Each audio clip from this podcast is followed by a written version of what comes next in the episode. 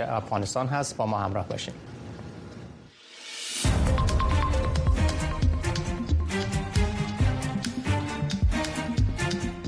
سرخط سه خبر مهم در برنامه امروز تلویزیون آشنا صدای امریکا از واشنگتن. در آستانه دو سالگی تسلط دوباره طالبان بر افغانستان گفتگوهای مقامات امریکایی و هیئت حکومت طالبان در دوحه امروز و فردا برگزار می گردد. مباحث عمده شامل حمایت بشر دوستانه برای مردم افغانستان، ثبات اقتصادی، رفتار منصفانه و محترمانه با همه افغانها و موضوعات امنیتی خواهد بود. یک استاد بخش مبارزه با دشت دانشگاه جورج میسن امریکا می‌گوید شاخه خراسان گروه داعش در افغانستان به توجه بیشتر نیاز دارد. و سازمان تحقیق فضایی هند هفت ماهواره به شمول ماهواره ابتدایی مشاهداتی زمین و شش ماهواره کمک مسافر سنگاپور را به مدار زمین پرتاب کرد. سلام بینندگان گرامی به برنامه امروز خوش آمدین امروز یک شنبه سیوم ماه جولای سال 2023 میلادی است برنامه امروز به طور مستقیم از طریق وبسایت و فیسبوک تلویزیون آشنا صدای امریکا و همچنین در رادیو روی موج متوسط 972 کیلوهرتز به نشر می‌رسد. من محمد احمدی هستم. در صدر خبرها و تحلیل های امشب موضوع نشست دوحه با اشتراک دو نماینده ویژه امریکا در امور افغانستان و اینکه نماینده طالبان در این نشست امریکا با نمایندگان امریکا دیدار خواهد کرد بحث می‌کنیم. شرح این گزارش و واکنش های مربوط آن را همکارم ژیلا نوری که تهیه کرده است در استودیو است تقدیم خواهد کرد و تحلیل و بررسی مختصر آن را که در ارتباط به اهمیت نشست و تاثیرات آن بر آینده افغانستان است. با آقای نصیر اندیشه سفیر و نماینده دائمی افغانستان در ملل متحد در ژنو بحث خواهند کرد. با ما همراه باشید نخست با مطالبی از افغانستان. نمایندگان حکومت طالبان و ایالات متحده آمریکا امروز و فردا در دوحه پایتخت قطر در مورد افغانستان با هم ملاقات هایی دارند. توماس وست نماینده ویژه آمریکا در امور افغانستان و رینا امیری نماینده خاص ایالات متحده برای زنان و دختران افغان و حقوق بشر با هیئت طالبان به ریاست امیرخان متقی سرپرست وزارت خارجه حکومت طالبان قرار است. روی موضوعات مطرح در این نشست به خصوص درباره افغانستان و به ویژه روی اعاده حقوق زنان و دختران بحث کنند. همکارم ژیلا نوری قسمی که عرض کردم در استودیوس و این گزارش ها را دنبال کرده است. سلام ژیلا جان روزتان بخیر. ملاقات ها در دوحه که تازه آغاز شده شامل کدام مسائل مطرح است و از حکومت طالبان چه افرادی در این ملاقات شرکت دارند؟ تشکر احمدی. وزارت خارجه حکومت طالبان میگن که حیات به رهبری امیرخان متقی سرپرست وزارت به هدف ملاقات با مقامات آمریکایی وارد دوحه پایتخت قطر شده است. امیرخان متقی سرپرست وزارت خارجه حکومت طالبان قبل از سفر به دوحه در میدان هوایی کابل گفت که حیات آنها با مقامات آمریکایی در مورد برداشتن تحریم ها بر طالبان حذف اسمای آنها از لیست سیاه ملل متحد آزاد ساختن سرمایه منجمد افغانستان و متوقف ساختن تخطی از فضای هوایی افغانستان مورد بحث قرار میدن متقی همچنان گفت که زمان رسیده که جهان با حکومت طالبا روابط برقرار کنه افغانستان کې د نن نه په سرحداتو کې نه له افغانستان د باندې. د افغانستان له خاورې نه چاته ضرر رسیدلی ده. لہذا دا خبرې دي اساس دي. له دې نه باید ډډه وشي. نور د دې وخت راغلی چې په افغانستان کې امنیت ثبات اوس د دې وخت راغلی چې افغانستان د سیمې په ثبات کې رول ولوبوي له دنیا سره چې اړیکې ولري این حیات در دوحه با تاماس وست نماینده ویژه امریکا در امور افغانستان و رینا امیری نماینده ویژه وزارت امور خارجه. ایالات متحده در امور زنان دختران و بشر افغانستان. بر اساس اعلامیه وزارت خارجه با نمایندگان طالبان و برخی تکنوکرات‌های مسلکی وزارتخانه‌های کلیدی افغانستان ملاقات خواهند کرد که با توجه به این دیدارها یک روز کانگرس در صحبت با صدر امریکا هم چنین واکنش داد گزینه حال چیست؟ تا بتواند حکومت طالبان را ترغیب کند که به حقوق بشر اهمیت بدهند. سر مردم را نبرند در کنار درخت با گلوله مردم را نکشند. چون آنها با برخی از ابعاد شریعت و انفاذ آن مخالفند. زمان آن گذشته شما چیز غیر واقعی می خواهید حال امریکا نمی تواند آنجا برود و با طالبان بگوید که چی کنند. حضور دیپلماتیک در افغانستان وجود ندارد تا با طالبان برای انجام آن صحبت شود. پیش از این وزارت خارجه ایالات متحده در اعلامیه گفته بود که مسائل همچون حمایت بشردوستانه بر مردم افغانستان ثبات اقتصادی و رفتار منصفانه و محترمانه با افغانها به خصوص زنان دختران افغان و موضوعات امنیتی شامل بحث خواهد شد. همچنین روز چهارشنبه سخنگوی وزارت خارجه ایالات متحده مشخص ساخت که دیدارها نمایانگر به رسم شناختن حکومت طالبان عادی سازی روابط و مشروعیت بخشیدن به حکومت طالبان نیست. هیچ کشور تاکنون حکومت طالبان را به رسم نشناختن و رعایت حقوق بشری به خصوص حقوق زنان و دختران در افغانستان از شدهای عمده جامعه جهانی می باشد آقای احمدی. تشکر جیلا جان. لطف کردن. طوری که در گزارش همکارم پیشتر نشر شد نماینده ویژه امریکا در امور افغانستان هر دو یعنی رینا امیری و توماس وست قرار است که با نماینده طالبان دیدار بکنن امروز و فردا. البته امیرخان متقی هم که نماینده طالبان هست در دوحه هست و قرار است با نمایندگی از طالبان دیدار داشته باشد. طبق خبرنامه نشر شده روز چهارشنبه وزارت خارجه امریکا در این نشست از هیچ مقام طالب و یا هم تکنوکرات مسلکی قرار است با آقای که قرار است با مقام های امریکایی ملاقات بکنن نام برده نشده. اما این دو مقام امریکایی بلند رتبه پیش از گفتگوها در دوحه با پنج کشور آسیای میانه یعنی نمایندگانشان و همچنین نمایندگان زنان افغانستان و قزاقستان در آستانه پایتخت قزاقستان گفتگو کرده بودند. اهمیت این دیدار مقام های امریکایی در آستانه دو سالگی تسلط طالبان بر افغانستان برای امریکا طالبان و افغانستان تحت حاکمیت طالبان چیست؟ چه مباحث عمده در این دیدار غالب خواهد بود؟ و آینده تعامل جهان با طالبان بعد از این دیدار چگونه خواهد بود؟ این پرسش ها را با آقای نصیر اندیشه سفیر و نماینده دائمی افغانستان در ملل متحد در ژنو بحث می‌کنیم که لطف کردن در برنامه اکنون از طریق اسکایپ با ما هستن. آقای اندیشه سلام روزتان بخیر.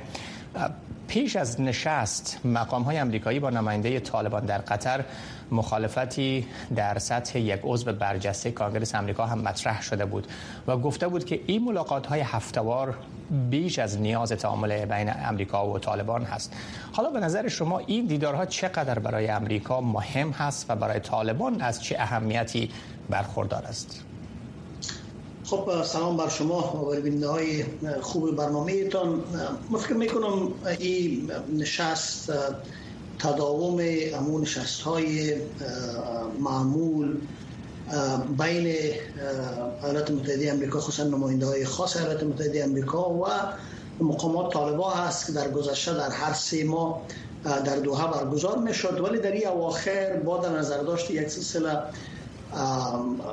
تعلیمات جدیدی که وضع شد بالای طالب ها و از طرف دیگر یک سلسله اوامر و احکامی را که طالبان در قسمت من کار زنا در ملل متحد و بعد دیگه اواخر یک دو سه فرماندگی که دادن ای باعث ازی شد که این نشست ها به تعویق بفته.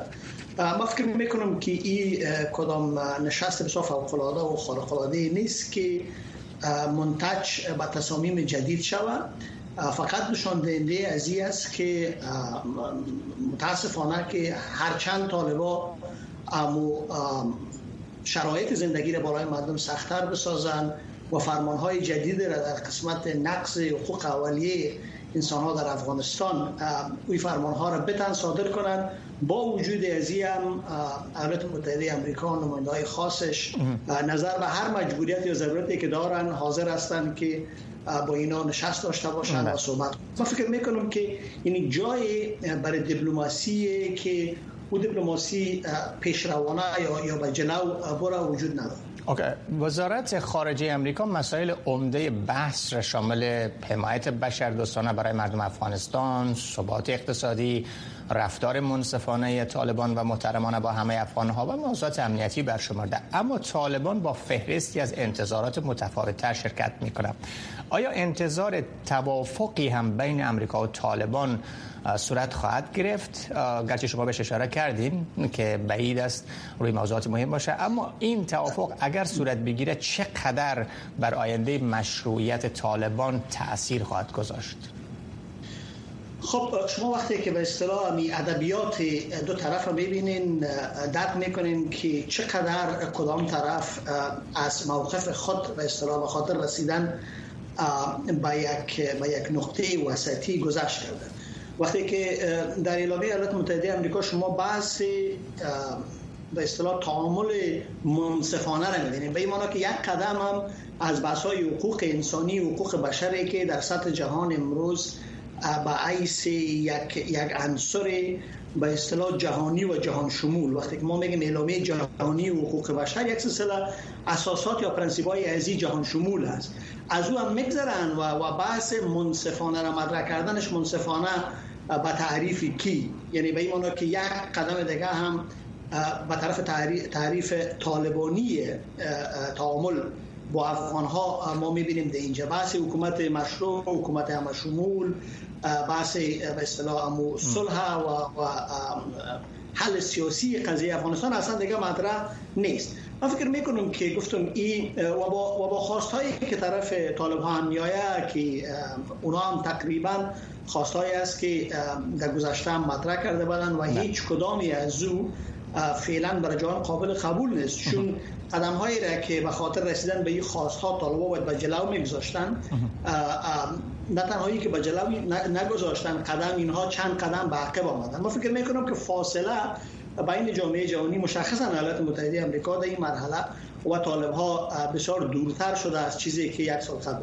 حالا با این فاصله که بین تقاضاهای جامعه بین المللی و عملکرد طالبان هست. جامعه جهانی به نظر شما برای اعمال تغییر عمل کرد و برخورد طالبان چه روی کرده می‌تونه که موثر باشه روی دست بگیره؟ باید طالبان به این خواسته ها با در نظر داشت وضعیتش در افغانستان تمکین خواد کرد؟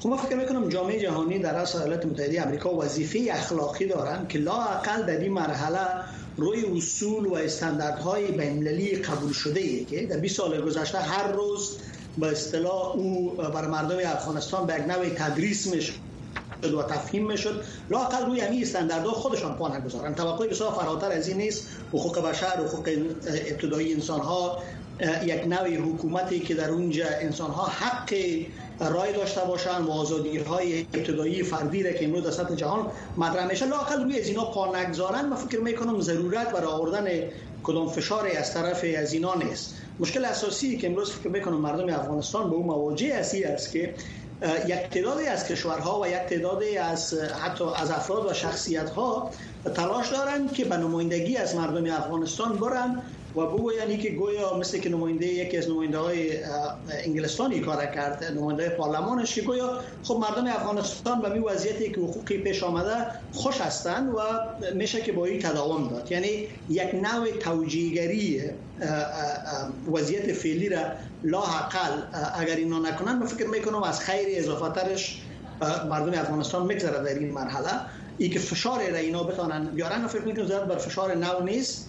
خود استاد شدن بالای استانداردها بالای امون نرم ها و ارزش های انسانی فکر می‌کنم فشار کافی است. تشکر شما آقای نصیر اندیشه نماینده و سفیر افغانستان و نماینده دائمی افغانستان در ملل متحد در ژنو که تحلیل خود را از نشست دوحه امروز بیان کردین سپاس از شما. شمار از افغانهای ساکن در شهر سن انتونیوی تگزاس امریکا روز بیرق ملی افغانستان را تجلیل کردند و گفتند که تجلیل از این روز یک ارزش های ملی آنان است و همیشه از آن مراقبت خواهد کرد. آنان گفتند که حکومت ها تغییر می کنند اما ارزش های ملی همچنان پابرجا هستند. این افغان ها همچنان گفتند اینکه طالبان به عوض پرچم ملی یا بیرق این کشور بیرق سفید را برافراشتند این کار به معنی تقابل با هویت و ارزش های ملی افغانستان است. محمود چنگیز استاد بخش مبارزه با دهشت افغانی در دانشگاه جورج میسن در ایالات متحده می‌گوید شاخه خراسان گروه داعش در افغانستان به توجه بیشتر نیاز دارد. به خاطر که این گروه پس از حاکمیت طالبان نفوذ خود را به 33 ولایت گسترش داده است و رهبران طالبان به شمول شبکه حقانی را هدف قرار می‌دهد. این استاد دانشگاه می‌گوید موقف ایران در قبال مبارزه با دهشت افغانی پیچیده است و در برخی مواقع از گروه های دهشت افغان در برابر امریکا حمایت کرده است. آقای چنگیز در صحبت با همکارم ژیلا نوری نخست در مورد توانایی داعش برای انجام حملات فراتر از خاک افغانستان چنین پاسخ داد. گروه داعش یکی از سازمان های توانا و قدرتمند در منطقه است. بین سالهای 2014 و 2015 این گروه در سوریه و عراق فعالیت داشت و به عنوان یک سازمان دهشت افغانی و چندین ملیتی دیده می شد. اما پس از آن که داعش قدرت خود را در سوریه و عراق از دست داد، این گروه با یک جا شدن با برخی شاخه های دیگر در سایر نقاط جهان به فعالیت های خود ادامه داده است که شامل افریقا، شرق میانه و آسیا می شود.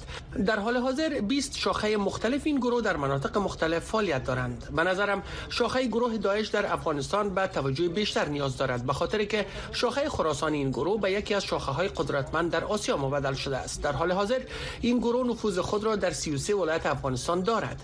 قبل از تسلط طالبان شاخه خراسان در کابل و سایر نقاط به طور محدود فعالیت داشت. اما اکنون این گروه از ناراضی بودن مردم از طالبان سوء استفاده کرده و شماری از مردم با آنها نیز یکجا شدند. از نظر توانایی انجام عملیات دشت افغانانه این گروه در تاجیکستان و ازبکستان به حملات دست زده است و ما شاهد حملات اخیر آنها در پاکستان بودیم و در مورد شمار حملات آنها طی چهار سال گذشته هر سال آنها حدود 150 حمله را انجام دادند. گروه داعش در افغانستان رهبران طالبان و شماری از اعضای شبکه حقانی و جامعه شیعه افغانستان را هدف قرار داده است. در مورد رابطه طالبا با داعش کم صحبت کنید. آیا آنها دشمن هستند یا رابطه دارد؟ طالبا بارها ادعا می‌کنند که آنها در برابر تهدیدات داعش در افغانستان مبارزه می‌کنند. به نظر شما این گروه در افغانستان یک تهدید به شما می‌رود؟ طالبان با داعش دشمنند. داعش به دلیل اینکه طالبان به پای میز مذاکره صلح با امریکا نشستند و در حال گسترش در افغانستان هستند آنها را دشمن خود می‌دانند. در این حال خشونت های فرقه‌ای بین گروه داعش و طالبان خصومت دیگری میان آنها می باشد در کنار آن حامیان گروه داعش در افغانستان جهادی های سلفی اند و آنها روش و رفتار طالبان را کافی نمی‌دانند. در این حال این گروه مخالف ملتگرایی و مفکوره ملی است و به این باور است که از این طریق نمی توان یک کشور را اداره کرد. ایران طالبان متهم می‌کند که به رهبران داعش اجازه دادند تا به خاک افغانستان جاگزین شوند. اما طالبان همچون ادعا را رد کرده و بی اساس می‌دانند. نظر شما در این مورد چی است؟ آیا طالبان به رهبران داعش پناه داده است؟ به نظرم بسیار دشوار است که این ادعاهای ایران را باور کرد. فکر می کنم یک ادعای بی اساس است. به خاطر که قبلا نیز برایتان اشاره کردم که داعش و طالبان دشمن همند و موقف ایران در برابر مبارزه با دشت افغانی پیچیده است. ایران یک موقف متغیر دارد. برخی اوقات از گروه های جهادی القاعده یا داعش برای هدف قرار دادن امریکایی ها حمایت نشان داده است. اما در موقعیت های دیگر از طالبان حمایت کردند با آن هم پس از تسلط طالبان بر افغانستان ما شاهد حتی باری در سرحد میان افغانستان و ایران بودیم و معزل شریک ساختن آب هلمند نیز شدت گرفته است.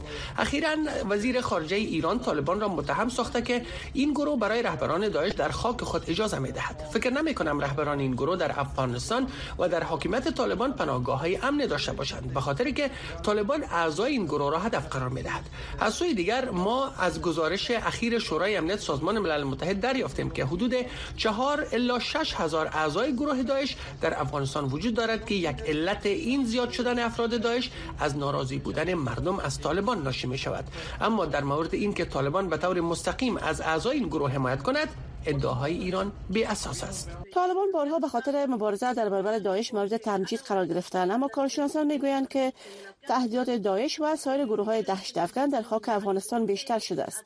برای شما بین گروه داعش و سایر گروه های دهشت افغان در داخل خاک افغانستان چی رابطه می تواند وجود داشته باشد؟ فکر می کنم در افغانستان به اساس آمار دشت افغانی شماری از گروه ها در برخی اوقات دست به حملات می‌زنند. به نظرم القاعده که در حکومت طالبان موقف دارد نیاز به این ندارد که در ساحه بجنگد و حملات دشت افغانی انجام دهد. فکر می کنم هدف دیگر طالبان پاکستانی است و ما شاهد حملات آنها در سرحد با افغانستان بودیم. از سوی دیگر یک سازمان دشت افغانی دیگر در شبه قاره هند فعالیت دارد. این گروه ها در خاک این کشور حضور دارند و آنها در برابر تهدید داعش مبارزه می کنند من معتقدم که داعش فقط با شاخه های منطقه‌ای خود مرتبط است که در زیر چتر رهبری این گروه با هم فعالیت دارند. گروه داعش و سایر گروه های دهشت تا چه حد در برابر رهبری طالبان تهدید شمرده می شوند فکر می کنم گروه داعش مخالف رهبری طالبان است. اما رهبری القاعده از حاکمیت طالبان در کشور سود می‌برند. شماری از آنها در حکومت طالبان شاملند. ما همچنان شاهد هستیم که شماری از والی ها با القاعده ارتباط دارند و همین طور مقامات استخباراتی طالبان و شماری از افسران عالی رتبه استخبارات با القاعده رابطه دارند. به همین خاطر القاعده از تعامل با رهبری طالبان نفع می‌برد. اما داعش به عنوان یکی از سازمان های جهادی و دهشت افغان طالبان را هدف قرار می‌دهد. پرسش دیگر این است که سابقه دشمنی میان داعش و القاعده تا چه حد است؟ این دو گروه حریف هم دیگرند و با هم رقابت می کنند به همین خاطر در سطح رهبری با هم دشمنند. فکر نمی کنم ما شاهد نوع همکاری بین این دو گروه یا تهاجم از جانب آنها باشیم.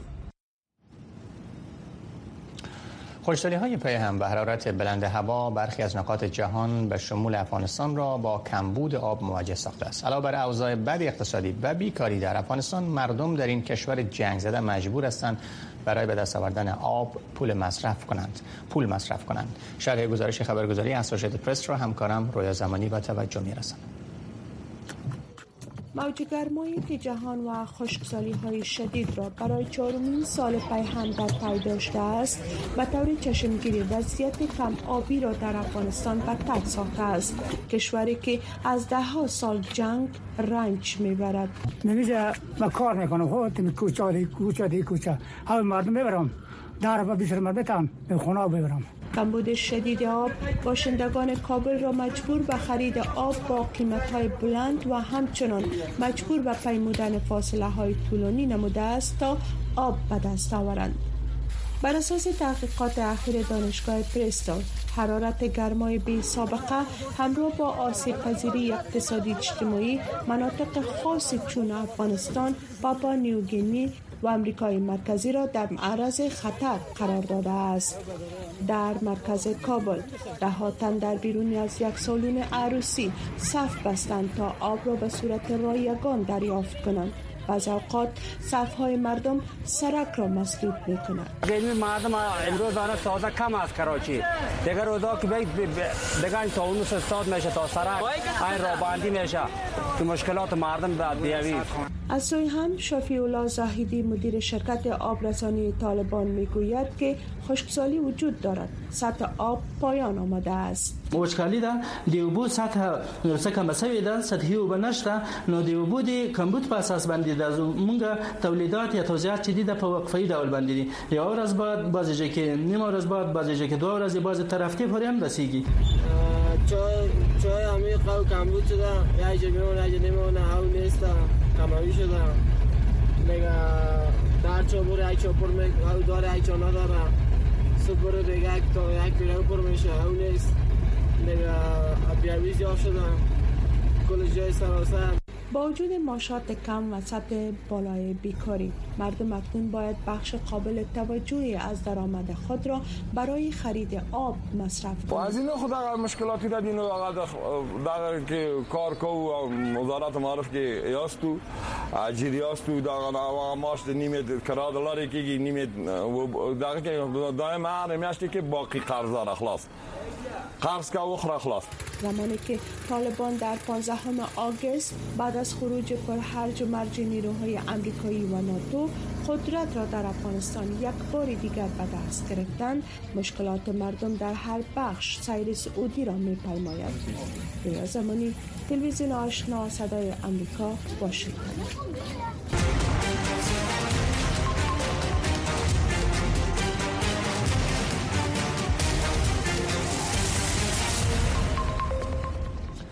سازمان تحقیق فضایی هند هفت ماهواره به شمول ماهواره ابتدایی DASAR و شش ماهواره کمک مسافر سنگاپور را از بندر فضایی سری هریکاتو امروز موفقانه پرتاب کرد.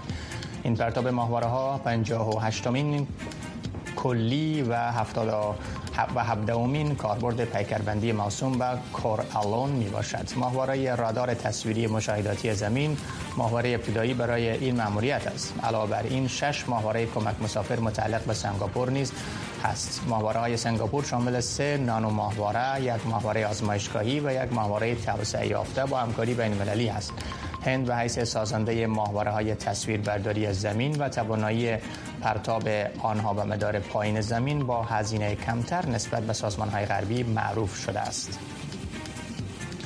طوفان شدید در سراسر ایالت های مریلند، ویرجینیا و شهر واشنگتن دی سی عصر شنبه ویرانی هایی در بخش های از این مناطق بر جا گذاشت. این طوفان باعث قطع برق و آسیب به برخی خانه ها شد. طوفان ها همراه با بادها و باران های شدید باعث قطع قابل ملاحظه برق و سفر مسافرین گردید. خدمات ملی آب و هوای امریکا سرعت این بادها را 135 کیلومتر در ساعت در برخی ساحات اعلام کرد. این طوفان شدید با گزارش های همراه با شکستن درختان و سیم های برق و قطع سیم های برق در شهر واشنگتن دی سی همراه بوده است و چند تن زخمی شده و برخی درختان بر روی خانه ها و موترها فرود آمده است. حداقل 9 نفر زمانی در جنوب تایلند روز شنبه کشته و بیشتر از 100 نفر زخمی شدند که وسایل آتش بازی در یک انبار منفجر کردید. انفجار این وسایل آتش بازی باعث حریق در یک انبار غیر مجاز در بازار منو در منطقه سوگای در ولایت جنوب ناراتشیوتات هم سرحد با ملزیا کردید. حدود 115 نفر در این حادثه زخمی شده روانه شفاخانه شدند و 106 نفر دیگر نیز زخمی گردیده بود که بعدا به خانه برگشتند. بیشتر از 200 خانه موجود در اطراف این انبار از اثر آن انفجار آسیب دیده و 365 نفر متاثر گردیده که حدود 20 تا 30 خانوار مجبور به اقامت در سرپناه شدند. پلیس میگه حادثه تحت حادثه تحت کنترل است و دوباره و درباره دلیل این انفجار پلیس تحقیقات را انجام می‌دهد. مرور هفتوار بر مهمترین رویدادها و گزارشها از افغانستان و جهان هر جمعه شب از ساعت هفت تا هفت و سی در برنامه سی دقیقه از تلویزیون آشنا صدای امریکا پخش زنده این برنامه را در نشرات ماهواره‌ای صدای امریکا نیز دنبال کرده می توانید.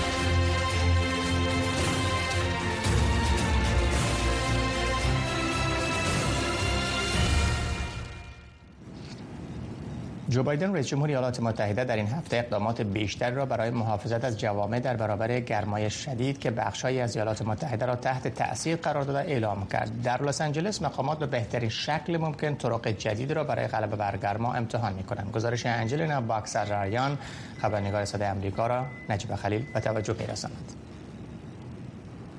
مقام های لس آنجلس برای کمک به مبارزه با موج گرمای طولانی مدت و شدید تابستان مراکز سرد کننده خاص را در سراسر شهر افتتاح کردند.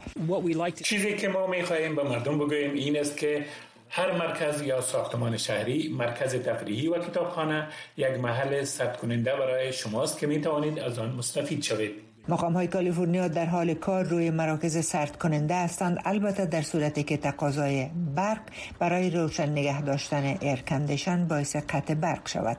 در میان کسانی که بیشتر با مراکز سرد مراجعه می کنند شهروندان کم درآمد هستند. مراکز سرد کننده برای همه باز است. حتی افراد بی خانمان. اگر آنها راحت نیستند که به اینجا بیایند زیرا نمی‌خواهند وسایلشان را ترک کنند. نهادهای غیر انتفاعی در شهر و ناحیه وجود دارند. آنها بخشی از برنامه ریزی ما برای این کار هستند.